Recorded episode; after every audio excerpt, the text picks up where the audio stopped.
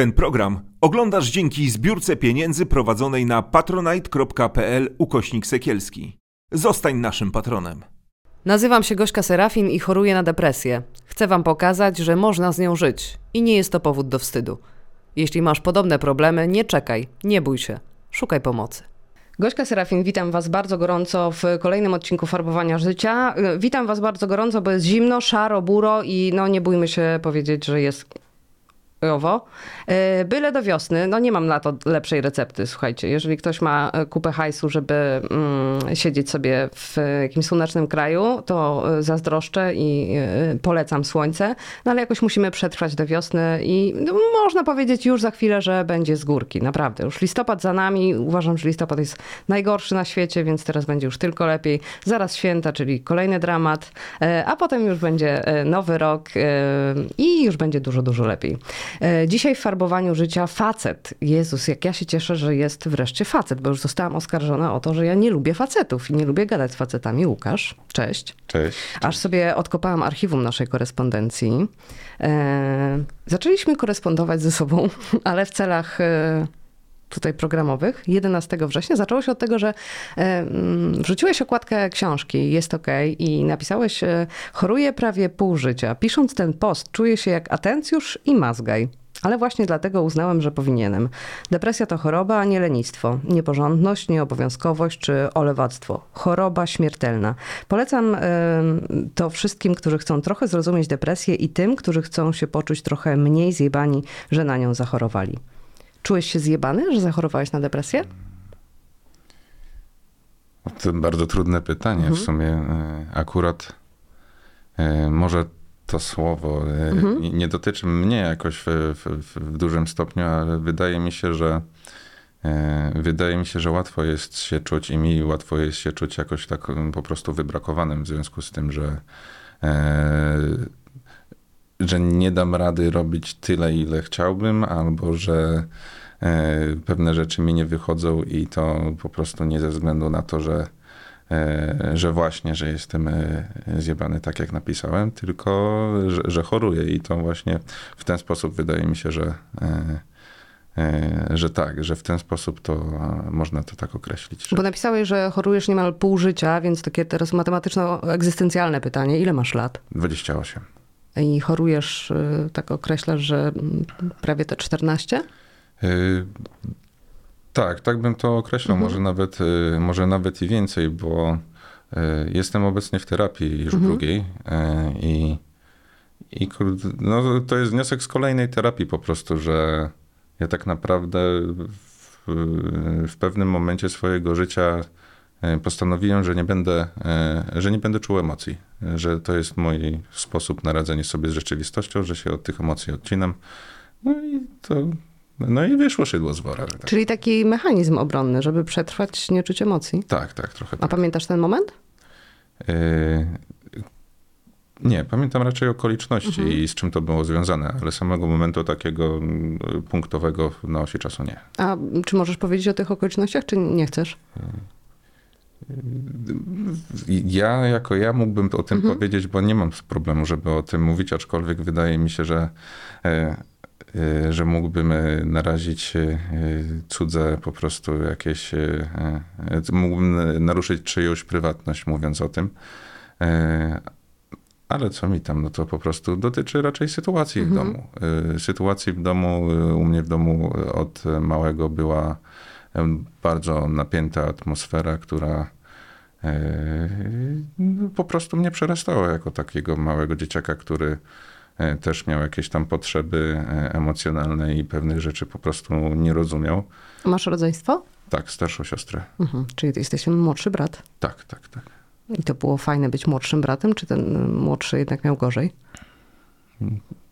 To zależy, to zależy. Miałem na pewno miałem na pewno o tyle łatwiej, że e, tak się mówi, że starsze rodzeństwo przeciera jakieś tam szlaki, aczkolwiek moja siostra zawsze była trochę e, bardziej ułożona niż ja, ja trochę e, bardziej z tych szlaków zbaczałem.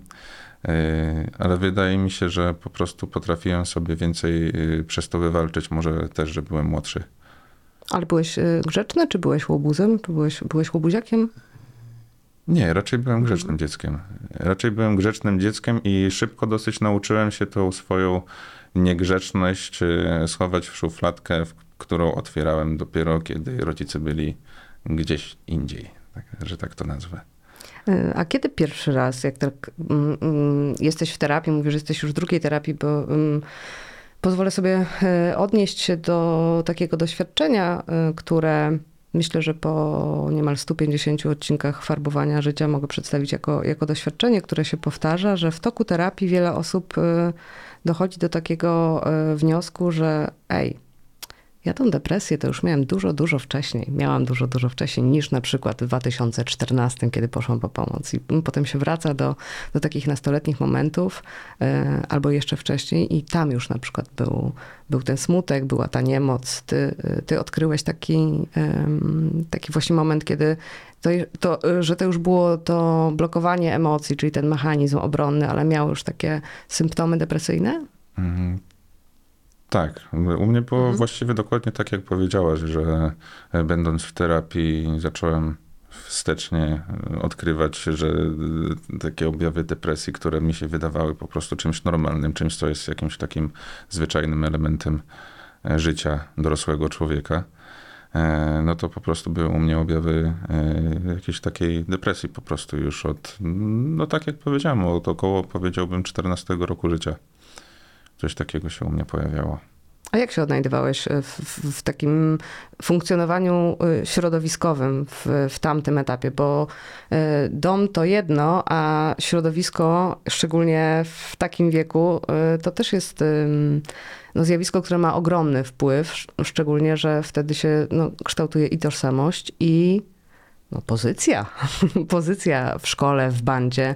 Jak się wtedy, jakie masz z tego okresu wspomnienia?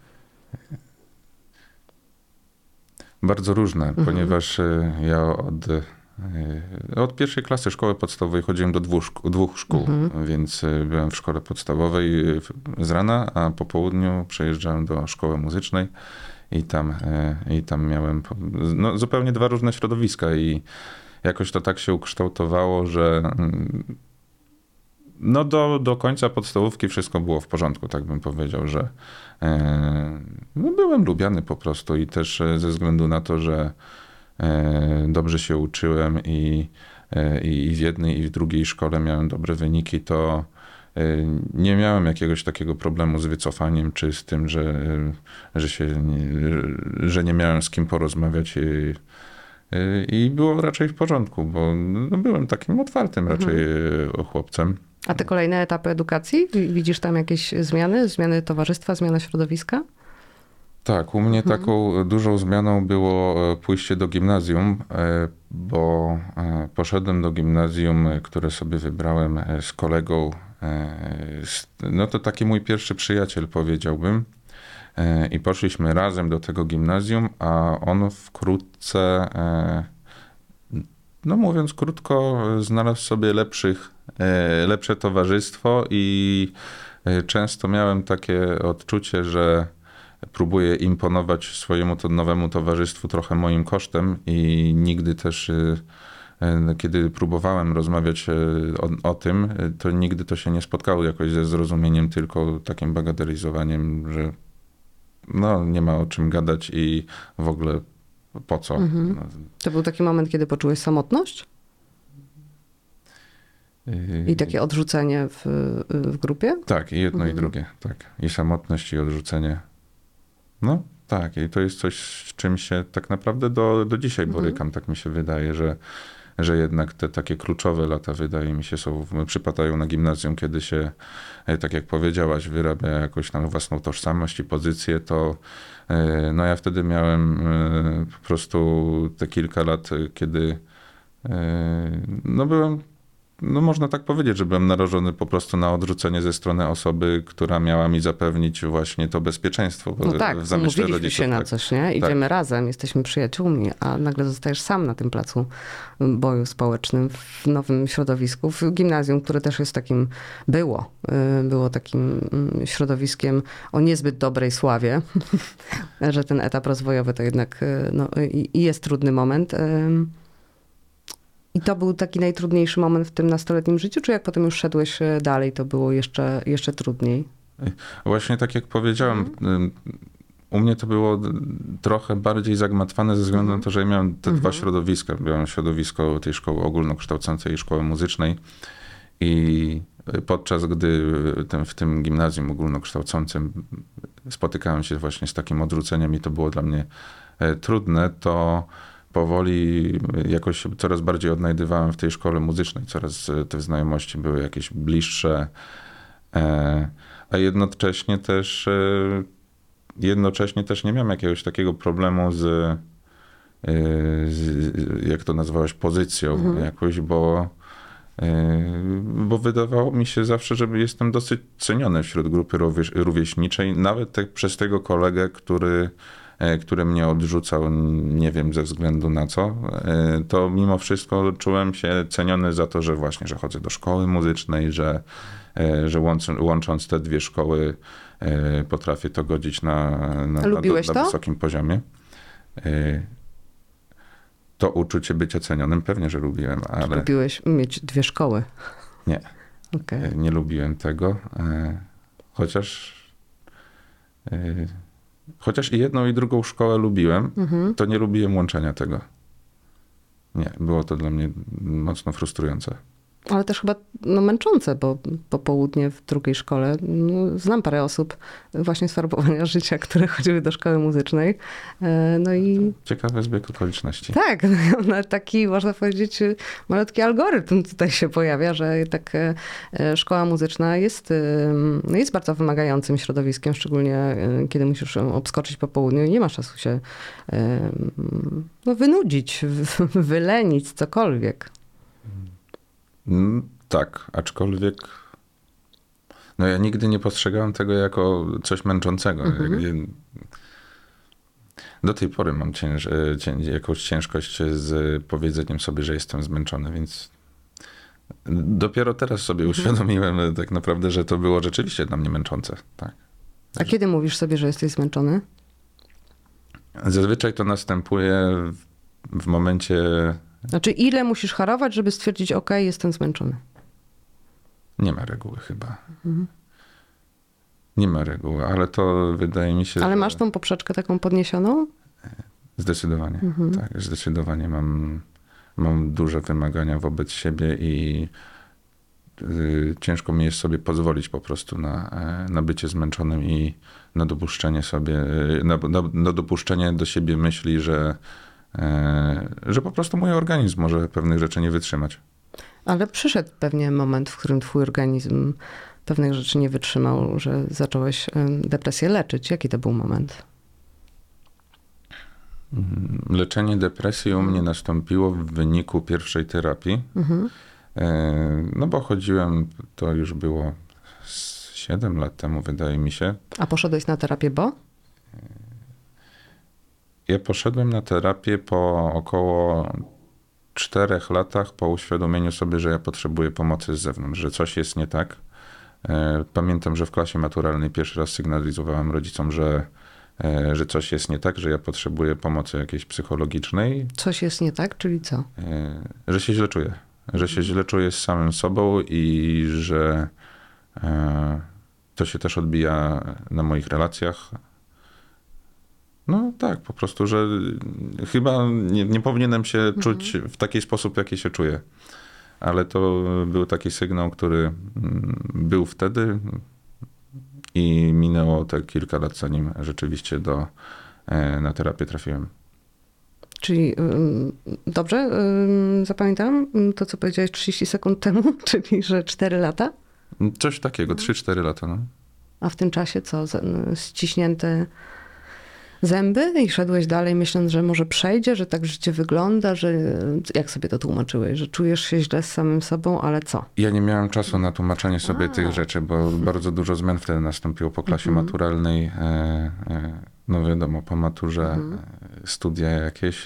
U mnie to było tak, że jak pisałem maturę w szkole ogólnokształcącej, to jeszcze mnie czekał rok dyplomowy w, w szkole muzycznej, żeby nie łączyć i matury i dyplomu w szkole muzycznej i żeby mieć o tyle trochę łatwiej, ale y, No takie jakieś okoliczności życiowe e, się pojawiły, które sprawiły, że, że nie miałem czasu na zastanowienie się nad własnym za, za samopoczuciem, tylko, e, tylko zaczęło, no tylko były rzeczy, na, na, które musiałem robić. Bieżące. Który, tu i teraz, no tak, tak No. zwana bieżączka, bieżączka, bo Czteroletnia bieżączka. tak, tak, tak. No bo po maturze e, kończyłem jeszcze szkołę muzyczną, tam w międzyczasie e, zacząłem studia, e, a później z kolei po tym dyplomie w szkole muzycznej e, rzuciłem jedne studia, zacząłem kolejne, więc e, no, ciągle było co robić. No nie było czasu. Nie. Nie było czasu, żeby się sobą zająć. Nie było. No ale w końcu znalazłeś ten czas i poszedłeś na terapię. Tak. Wydaje mi się, że to nastąpiło w wyniku tego, że e, wyjechałem na studia e, do Londynu po dyplomie w szkole muzycznej, na studia fortepianowe. I to był taki mój pierwszy czas w życiu, kiedy no, ja rzeczywiście sam w pełni decydowałem o, o tym, jak mój dzień, mój tydzień będzie wyglądał. I ta cała odpowiedzialność, począwszy od takiej prostej rzeczy jak pobudka rano, e, to wszystko spoczęło na mnie. E, I, I też nie było tak, że e, znalazłem sobie kolegę, z którym na te studia pojadę, e, tylko tak naprawdę wylądowałem tam sam i no i siłą rzeczy te, ta refleksja musiała nastąpić. I dopadło cię, Dopadła mnie. że jesteś sam i że tą odpowiedzialność trzeba. Tak, dźwigać. I że chyba to nie powinno być aż tak trudne. Mhm.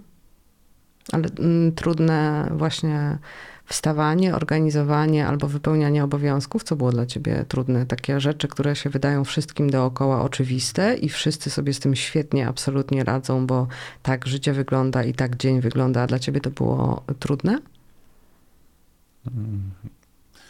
Chyba trudne było dla mnie spełnianie swoich własnych oczekiwań, e, które byłem nauczony, żeby mieć względem siebie, ale nigdy nie byłem nauczony tak naprawdę ich spełniać, bo e, no do, tak naprawdę do końca liceum zawsze, jak mieszkałem z rodzicami, no to e, to miałem tego arbitra w domu w postaci rodzica i ta odpowiedzialność ostateczna spoczęła, spoczywała na nim. Zawsze tak e, no temat pobudek to jest temat, który się dalej za mną ciągnie, że, że mam problem ze wstawaniem rano.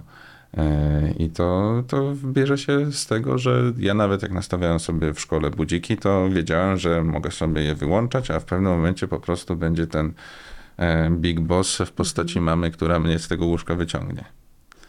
Więc e, Nie było mamy w Londynie i co, zaspałeś raz, drugi, trzeci, czy jednak wstawałeś? ja zaspałem na pierwszy egzamin w pierwszym tygodniu. Uuu. Obudziłem się po nim.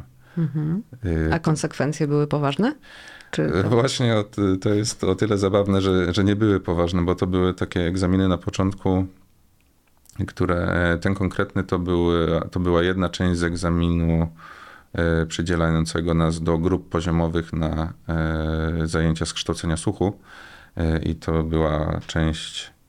Pierwszego dnia była część praktyczna, którą miałem zrobioną, a później była część teoretyczna, czyli po prostu taki egzamin pisemny. I na tę część zaspałem, ale tę pierwszą część e, ta pierwsza część poszła mi na tyle dobrze, że nawet y, nie, nie będąc na No, tej czyli drugiej farcik. części. Nic się nie stało strasznego. Zaspałeś, E, nie Widzisz, powiedziałabyś to farcik, a ja po terapii powiedziałbym, że moje umiejętności. stało. A, no nie, no dobrze. No, to faktycznie tak, to można zamienić. Bo ja, wiesz, bardzo często słyszałam, że głupi ma zawsze szczęście i że jestem w czepku urodzona, a nie to, że zachorowałam na coś.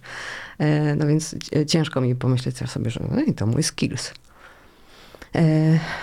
No i co? Y, idziesz na terapię i mówisz, nie radzę sobie z odpowiedzialnością? Nie radzę sobie z codziennością? Nie radzę sobie ze sobą? Czy męczę się z czym? Na pierwszą terapię Mhm. poszedłem z, e, z problemami z nawiązywaniem relacji, z, z wchodzeniem w nowe środowiska, bo zawsze się czułem e, wyobcowany, niezależnie od do tego, do jakiego środowiska dołączałem. To właśnie się czułem, jakbym dołączał do, środ- do jakiejś grupy, która już jest zawiązana i czułem się po prostu jak wyrzutek. E, I czułem e, w relacjach coś takiego, że e, doszukiwałem się jakichś po prostu objawów tego, że ktoś ma coś do mnie albo że ktoś mnie nie lubi. I No to ci zostało właśnie z tych czasów gimnazjum, tak myślisz? Czy, czy skąd się to, sk- skąd te, te, te obawy były? wydaje mi się, że możliwe, że to stamtąd. Pytanie, czy nie jeszcze Mhm. głębiej, E, ale to, to już e, do tego dochodzę teraz w terapii. E, Zastanawiam się. A coś ci pomagało w tym nawiązywaniu relacji? No nie wiem, no, alkohol jest przecież absolutnie genialnym ym, sposobem na to, żeby przełamać lody i nawiązywać relacje. Pomagałeś sobie jakoś, czy po prostu wycofywałeś się i rezygnowałeś z, z nawiązywania tych relacji?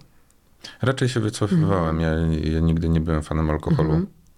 E, Znaczy, lubię napoje alkoholowe ze względu na ich smak, a nie na ich działanie. W sensie, na, nawet właśnie mieszkając samym w Londynie, to wielokrotnie orientowałem się, że nie mógłbym pić Mhm. tak naprawdę codziennie sobie, ale tego po prostu nie robię. A robię to rzeczywiście w momencie, kiedy mam ochotę się napić e, dobrego piwa, e, to rzeczywiście nie korzystałem z alkoholu ani w ogóle z używek w takim celu, żeby mi pomagały w, e, w nawiązywaniu relacji. Raczej po prostu się wycofywałem i i no też to, że byłem, e, że byłem pianistą i byłem na fortepianie, to mi te, te, też temu sprzyjało, bo ja sobie mogłem to usprawiedliwiać, że muszę prowadzić samotniczy tryb życia, bo pianista jest, jako pianista, solista, no to najwięcej czasu muszę spędzać z fortepianem po prostu i to była taka łatwa ucieczka i takie...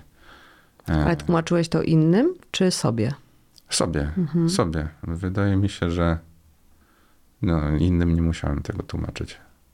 Bo to, no tak, pianiści to trochę w tych szkołach, e, w tamtej szkole e, taki trochę inny gatunek był. W ogóle może taki, e, taki klimat i to środowisko muzyczne jest, jest bardzo specyficzne, czy nie? Jak tak masz, masz wiesz, masz porównanie z no, zwykłej szkoły i ze, ze szkoły muzycznej, a potem te studia, to jest specyficzne środowisko.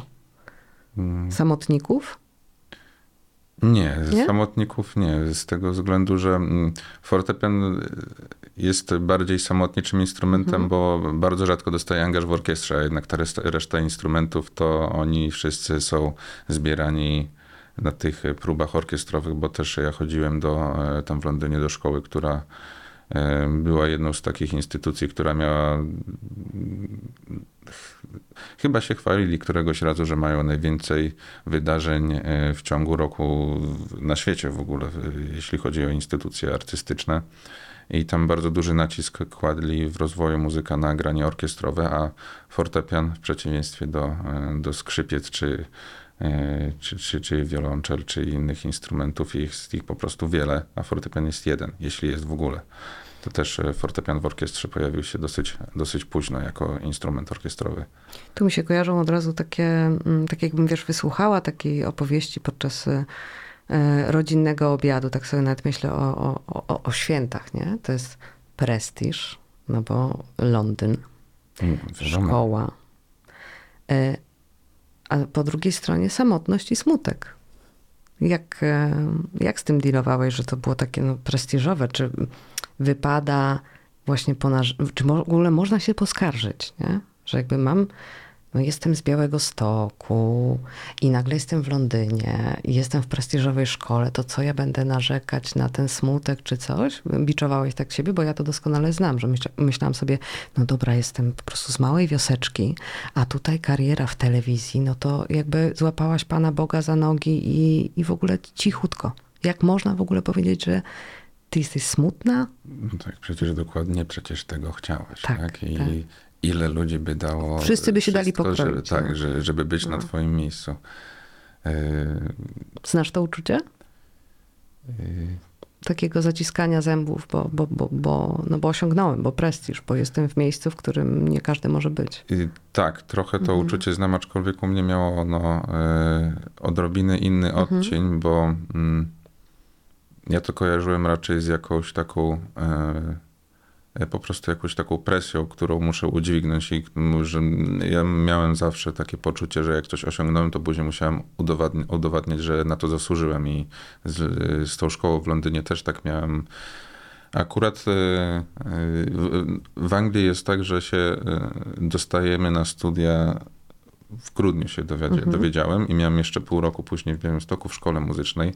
E, No i moja radość z tego, że się tam dostałem trwała 5 minut, a reszta czasu w Białymstoku, którą spędziłem do wyjazdu na studia, była takim po prostu udowadnianiem, że na to zasłużyłem i to mi towarzyszyło też później, że, e, e, że to się dla mnie raczej wiązało z tym, że mm, musiałem udow- udowadniać, że zasłużyłem właśnie na to miejsce, w którym jestem, które, na które oczywiście nie zasłużyłem, tylko z tą szkołą jest nie tak, że mnie przyjęli. E, Ale, Ale też, ty to kiedyś usłyszałeś? Czy to od ciebie ze środka szło? Czy... Nie, ze środka. Mhm.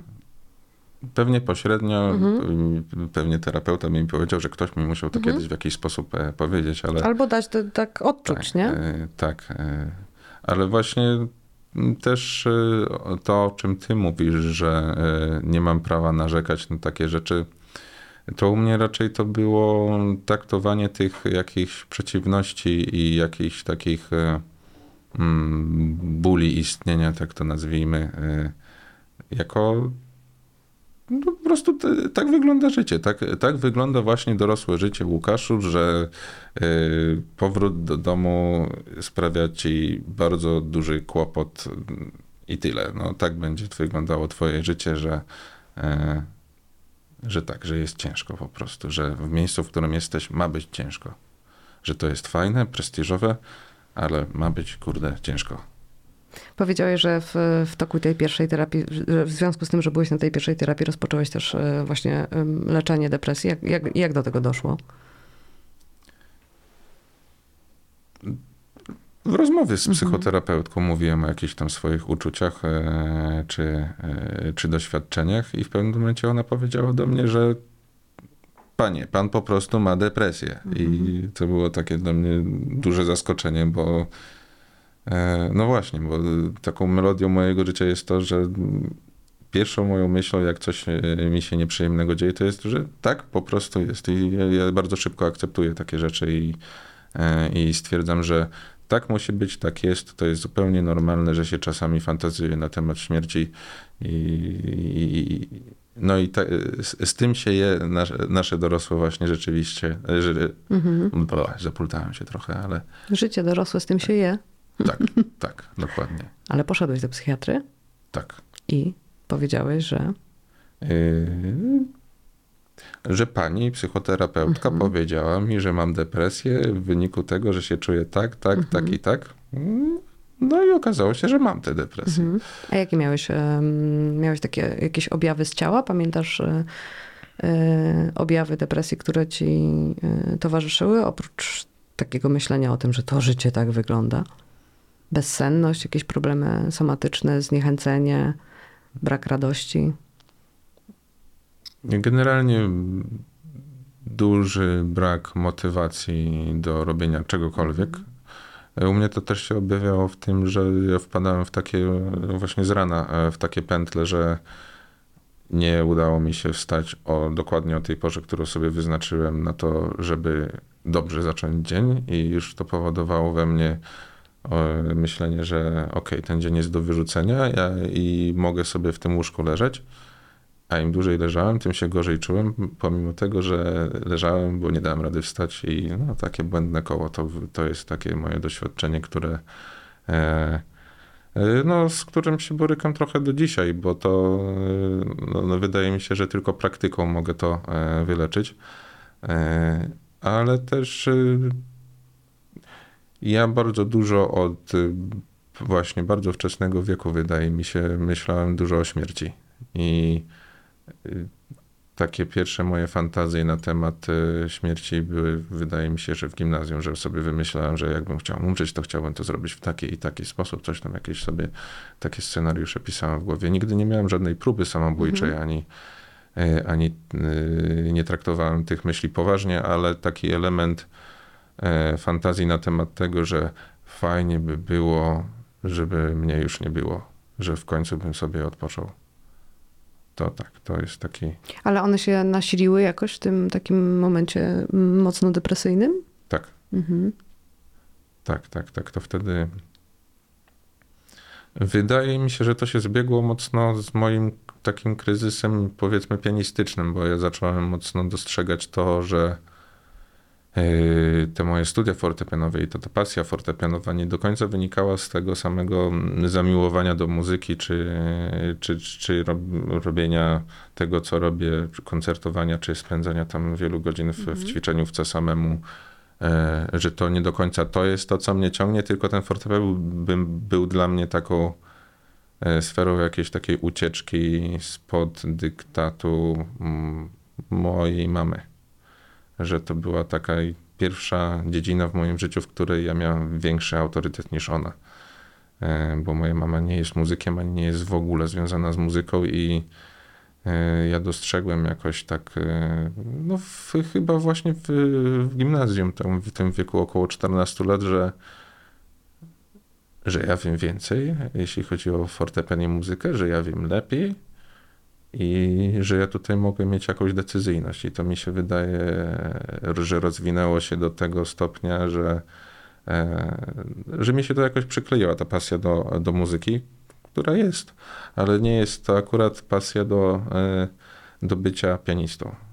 I, I ten e, właśnie będąc na studiach, ten rozdźwięk zacząłem bardzo mocno, mocno dostrzegać, bo bo coraz częściej po prostu nie dałem rady y, ćwiczyć, nie dałem rady się zebrać do tego i y, no doszło do takiego momentu, że jak myślałem o tym, że mam iść poćwiczyć na fortepianie, to po prostu czułem się 300 razy gorzej.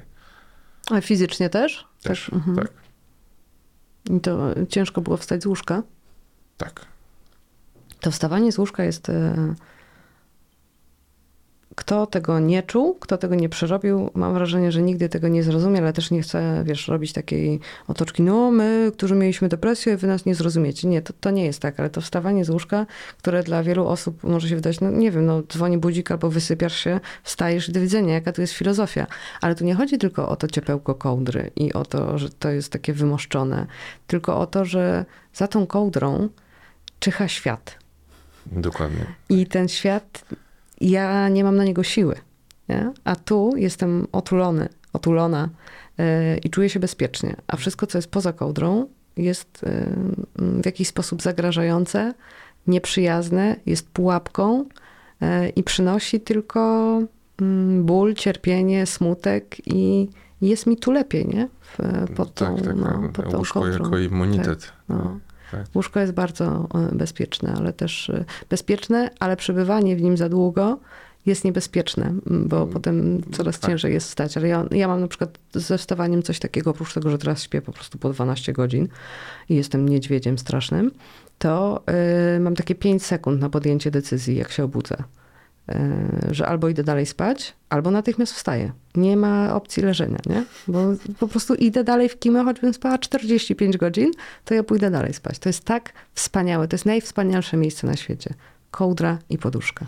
Tak, to nawet e, ja miałem coś takiego, że specjalnie sobie nastawiałem e, budzik na za wcześnie, żeby go wyłączyć i żeby sobie uświadomić, o jeszcze mogę pospać. Mhm. Tak, e, to też miałem coś takiego, ale no generalnie ten wydaje mi się moment e, pobudki i wstania z łóżka jest u mnie mocno newralgiczny, bo to też e, e, no co zabawne, to był właśnie rozmowa doty, dotycząca wstawania była takim przełomowym momentem u mnie w tej pierwszej terapii, bo, bo zaspałem na, na, na spotkanie i jakoś tak chyba zażartowała z tego moja psychoterapeutka, czy coś tam, jakiś taki komentarz powiedziała i ja momentalnie się rozpłakałem, bo ta e, i, i to pierwszy raz się rozpłakałem w ogóle e, przy, przy, tej, przy tej osobie. E, więc e, no jakoś ta, ta moja relacja e, z łóżkiem i spaniem jest, e, jest bardzo istotna w tym wszystkim, w tej depresji. Że to, no to właśnie, tak jak mówisz, może się wydawać jakoś taką najbardziej oczywistą rzeczą, że to po prostu otwieram oczy, zadzwonił budzik, no, nogi poza łóżko, wstaję i, i żyję. A tutaj no, po obudzeniu się pierwsza rzecz to jest debata. Mhm. Czy wstawać, czy nie wstawać. Ja jeszcze miałam coś takiego, że sobie, na przykład jak musiałam wstawać tak jakoś bardzo rano do pracy, to budząc się, od razu sobie obiecywałam, niemalże na głos, że ja po prostu po tej pracy wrócę i znowu do tego ciepełka, żeby tak sobie sama ze sobą podilować, że ja tylko muszę wyjść na chwileczkę, ale wrócę i odeśpię. No, starałam się tego potem nie robić, ale musiałam sama siebie przekonać, że w nagrodę albo, że przepraszam cię, e, Serafinku, na chwilę musisz iść popracować, bo dorośli ludzie pracują, a już za chwilę wrócisz sobie i będziesz mogła spać. Znaczy to e, życie pod kołdrą, życie, życie w łóżku jest najbezpieczniejsze e, na świecie. No i mogłabym testować materace. Że byłabym świetna. I kołdry No, obciążeniowe czy coś. No. Ja też mam coś takiego po prostu, że wydaje mi się, że mm, od zawsze miałem e, na tyle wypełniony kalendarz, że to Mhm. łóżko było jedyną taką przestrzenią, kiedy ja miałem czas rzeczywiście dla siebie i żeby pobyć samemu ze sobą. Bo ja zawsze e, od, od małego czytałem w łóżku książki, czy później oglądałem filmy. I no tak, i to był po prostu taki. e, Często to był pierwszy moment e, w dniu, kiedy ja mogłem się ze sobą po prostu spotkać i robić e, rzeczywiście rzeczy, które robić, no spać najczęściej, Mhm. ale no, często kosztem tego spania po prostu, tak jak mówię, czytałem książki. No to była taka od, od, od wczesnego dzieciństwa moja e, duża pasja. E, Jak słyszysz diagnozę depresja od lekarza, to co sobie myślisz?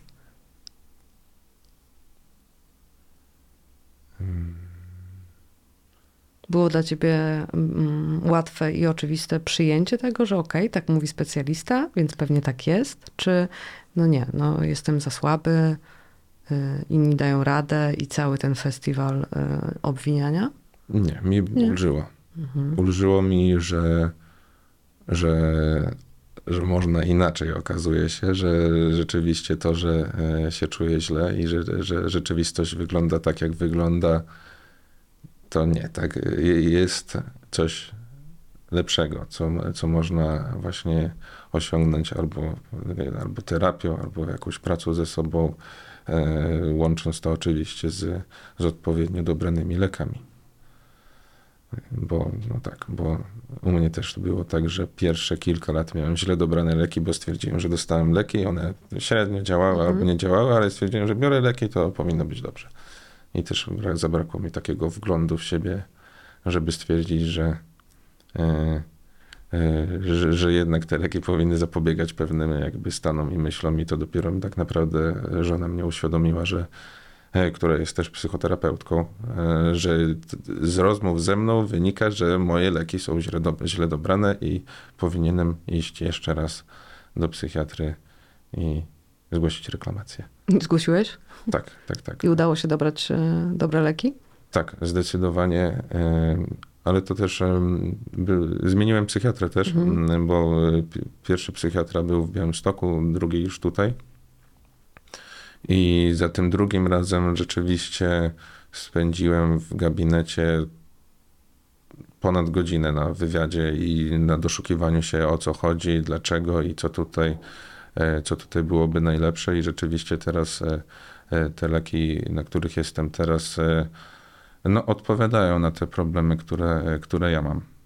Bo nawet mi mój cudowny psychiatra dobrał e, takie leki, które są stosowane w profilaktyce migren. E, Proszę. Ja mam skłonności do migren, Mhm. więc, więc super. Więc rzeczywiście nie wszystkie leki działają tak samo i nie wystarczy wziąć czegokolwiek. No właśnie, to jest ten ym, taki minus, bo, bo on jest niestety, ale on może być dołujący, może być zniechęcający i troszkę pozbawiający nadziei, kiedy y, leki są y, źle dobrane. y, i ten stan się nie poprawia i dalej czujesz się słabo, a ta jakby no niemalże ostatnia deska ratunku, po którą się sięgnęło, czyli farmakologia, nie działa i nie pomaga, to myślisz sobie, no nie, już nie ma dla mnie ratunku, nie? że to, to życie będzie takie beznadziejne, ja się będę wiecznie czuć e, beznadziejnie i, i ciężko się funkcjonuje, kiedy mm, no, powierzy się jednak swoje zdrowie i swoje samopoczucie w rękach specjalisty i, i w farmakoterapii. No mi łatwo Mhm. było generalnie też stwierdzić, że no skoro te leki nie, nie albo nawet nie myślałem o tym, że leki nie działają, tylko ja byłem przekonany, że one działają, tylko że ja coś robię źle. Mhm. Że to tutaj ja powinienem wykonać więcej pracy nad sobą, czy e, po prostu wziąć się w garść, no bo to takie branie się w garść e, już takie chyba mityczne Mhm. e, dla ludzi z depresją, e, no to było takie, to był taki mój sposób na wszystko, żeby wziąć się w garść. Co robiłeś wtedy? No, oczekiwałem od siebie więcej i tak naprawdę czy robiłem więcej, czy czegokolwiek. e, Mhm. Ale więcej pracy, więcej aktywności, więcej czego? Sprzątałeś, gotowałeś, więcej czytałeś, czy więcej właśnie pracowałeś? Co to znaczy to mityczne weź się w garść? Tak, Tak, wszystko? No, doskonale to znam. No. Tak. I jak tak posprzątałeś, to ci się wydawało, że okej, dobra, to ja już troszeczkę to życie pod kontrolą mam. Już tak, tutaj. no bo generalnie ten okres radzenia sobie z depresją to jest moment, w którym odkryłem sobie niewiarygodnego pedanta. Tak? Ukryty był, chował się.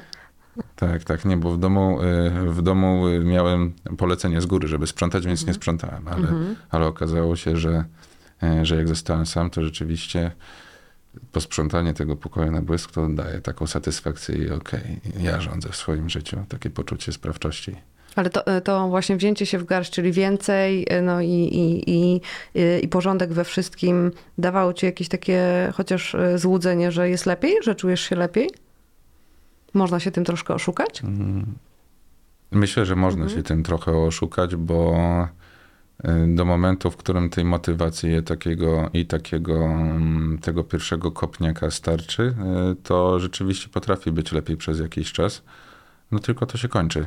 Y, y, Ja na przykład jednym z takich moich elementów radzenia sobie z tym było znalezienie sobie takiego hobby pozazawodowego i w, zacząłem po prostu dużo więcej. Zawsze uwielbiałem uprawiać sport, ale zacząłem to robić e, regularnie i to jest ze mną do dziś. I to akurat, e, to akurat bym polecał, bo to rzeczywiście e, e, to, to moje oczekiwanie względem siebie, że ja potrzebuję czegoś takiego, żeby, e,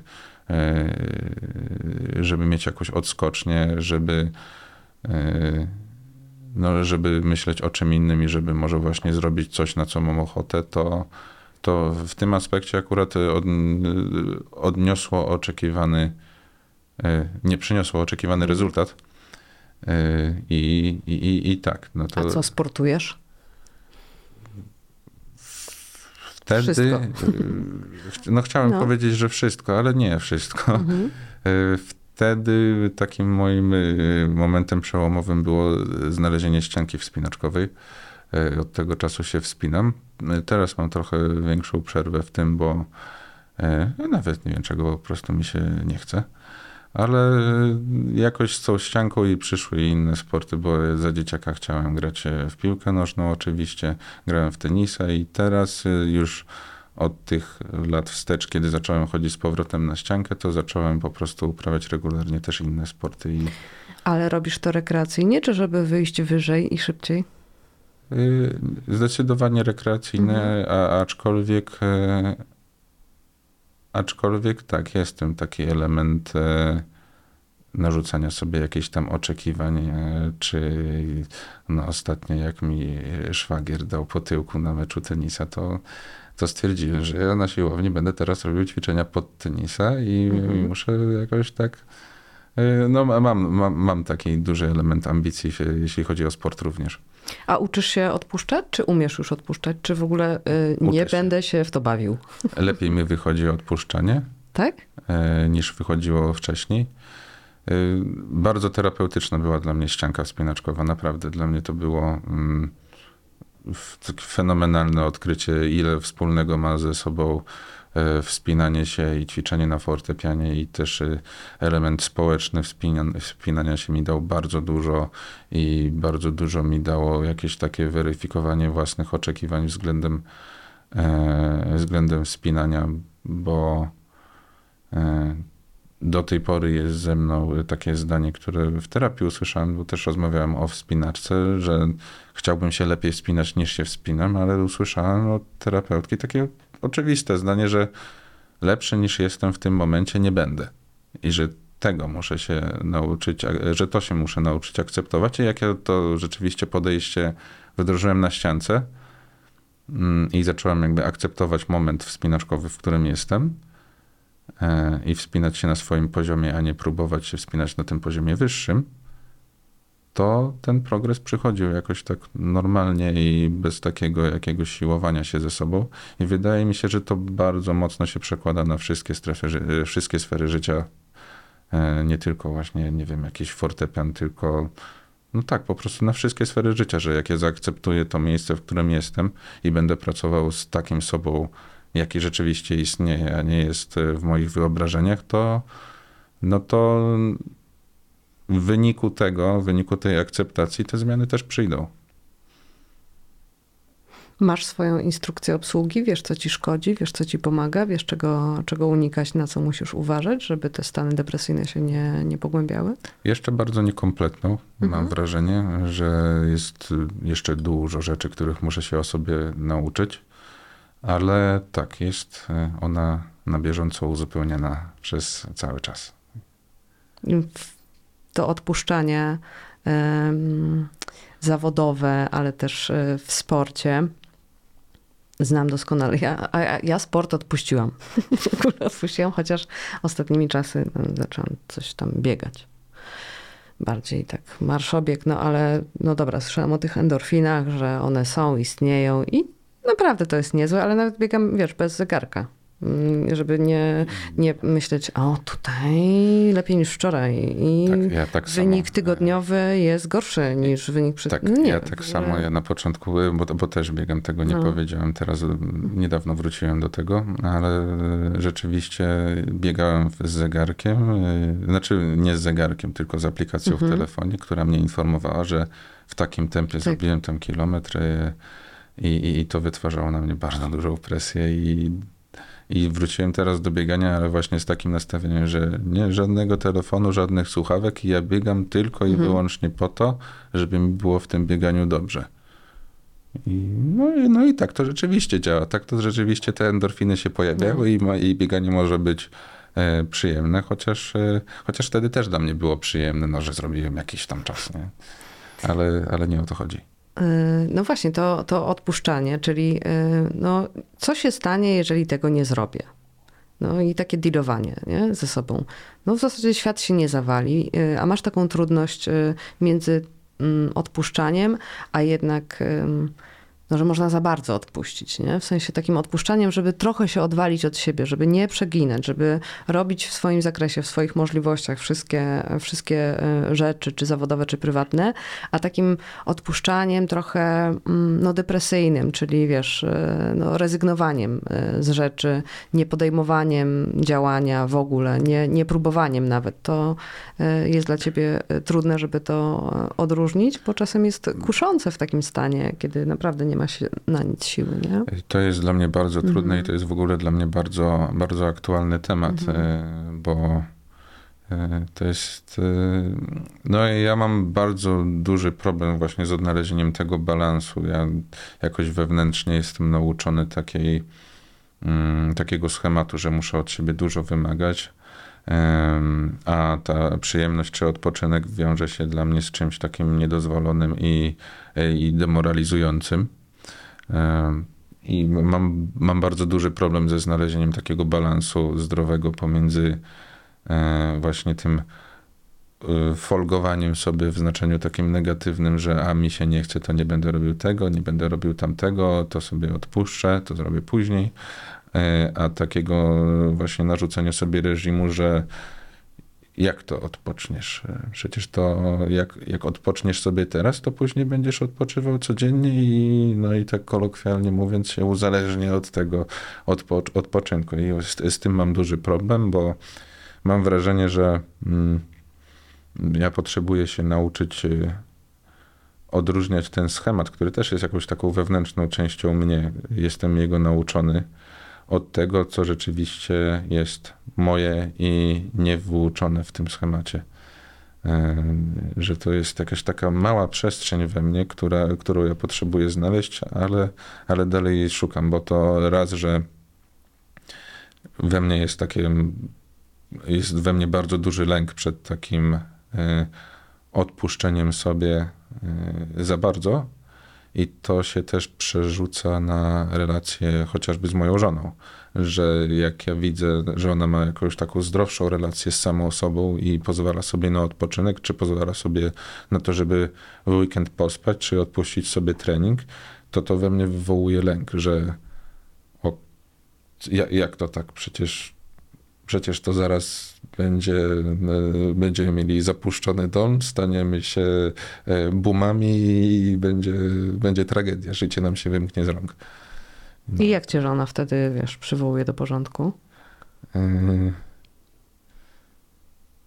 My dużo rozmawiamy Mhm. i to, to nawet chyba nie jest takie przywoływanie do porządku, bo jak my zaczniemy rzeczywiście, jak uda nam się o tym Mhm. normalnie, spokojnie porozmawiać, że te, te emocje jakoś nie, nie są wzburzone z jednej ani z drugiej strony, to, e, to po prostu w wyniku takiego spokojnego dialogu mm, wydaje mi się, że e, ona mi pomaga samemu się zorientować, że to, że to nie jest właściwe, ale też e, no ale też nie zawsze tak jest. Czasami to po prostu y, następuje no, po kilku dniach, że ja dochodzę do takiego wniosku, że kurczę, że to, że ja od niej oczekuję jakiejś takiej większej samodyscypliny, to wcale nie wynika z tego, że ja tej samodyscypliny chcę, tylko że ja się boję, że mm, to odpuszczenie doprowadzi nas do jakiejś wielkiej tragedii, która tak naprawdę nie wiadomo, czy miałaby być.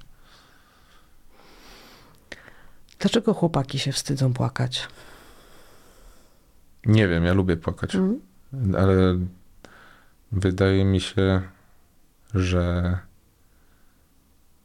no, że dalej pokutuje po prostu takie e, no, powiedzenie, że chłopaki nie płaczą i że e, no, że o pewnych rzeczach po prostu się nie mówi i wydaje mi się, że po prostu często relacje pomiędzy facetami, nawet to nie jest tak, że nie można płakać, tylko Mhm. one, ja zauważyłem to, że Mhm. Że jak się spotykam z koleżankami, to z nimi rozmawiam, a z kolegami, jak się spotykam, to coś robimy. Że faceci po prostu są bardziej nastawieni na działanie e, niż na, na rozmawianie. E, I to wynika z tego, może właśnie nie, niekoniecznie z tego braku przyzwolenia na to.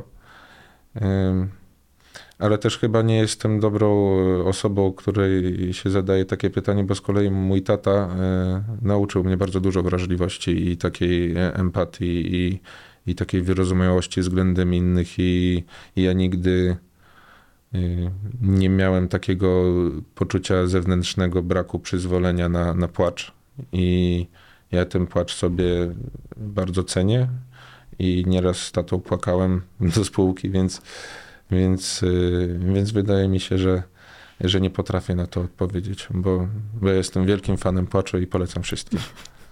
Czego ci życzyć?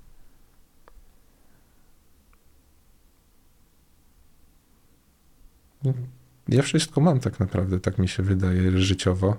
E, Bo no jak popatrzeć na moje życie na papierze, to jestem super szczęśliwym człowiekiem, naprawdę mam em, mam gdzie mieszkać, mam co jeść, mam, mam super żonę, zaraz będziemy mieli pieska, mam wspaniałą rodzinę, e, zajmuję się zawodowo czymś, co uwielbiam i nie wyobrażam sobie, że miałbym robić co innego.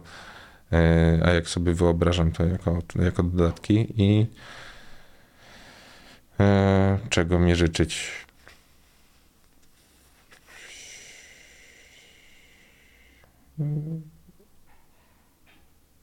Chyba tego, żebym siebie słuchał i żebym tak nauczył się tego, kim jestem, kim ja jestem, a nie kim są jakieś we mnie wyuczone schematy, bo to, bo to mi się wydaje klucz. Wydaje mi się, że jestem całkiem ogarniętym gościem i całkiem spoko gościem, więc jeśli tak by naprawdę się do, do, dokopię do tego, e, do tej mojej e, prawdziwej osobowości i wejdę w nią w taką bliską relację, to, to wszystko powinno być spoko.